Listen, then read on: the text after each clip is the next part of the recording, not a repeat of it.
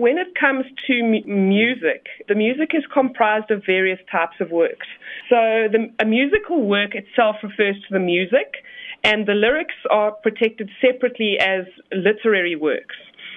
Then, once the music or the song is recorded onto a disc or something of that nature, it qualifies for protection as a separate type of work called a sound recording. Stilwill verduidelik dat 'n klankopname weer sy eie stelreëls het. The Copyright Act specifically provides for payment of royalties when sound recordings are broadcast or or played in public.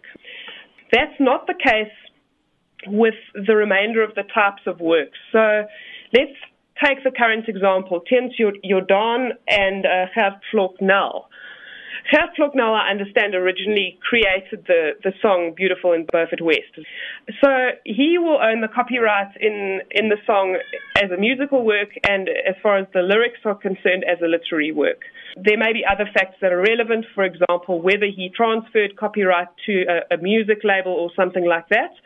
But for purposes of this discussion, I will presume that he is the owner of the copyright. As dit die geval is, het Floknal volgens Stilwell die reg om ander kunstenaars te verhoed om sy werke weer op te neem of dit te gebruik sonder sy toestemming. The dispute may revolve around whether there was authorization and whether there was not. Maar dis hier waar Floknal en Jordan van mekaar verskil.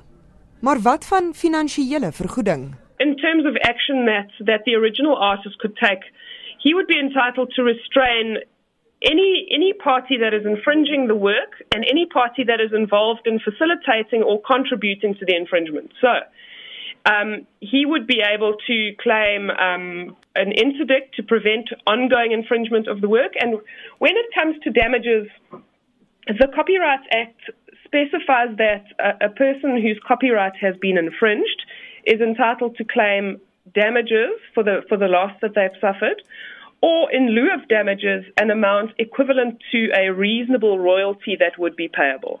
He would be entitled to claim those damages from anyone who has actually infringed the work. So, Jordaan performing the work in public could amount to infringement of the copyright, and in that, as far as that is concerned, there could possibly be a claim for damages there, or a, a claim for a reasonable royalty, so to speak.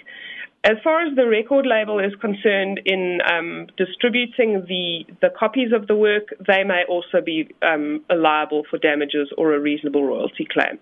Stilwell sê as Floknel se weergawe van die storie die waarheid is, het hy regsgronde om die saak verder te voer. Ek is Henry Wondergem vir SAK nuus.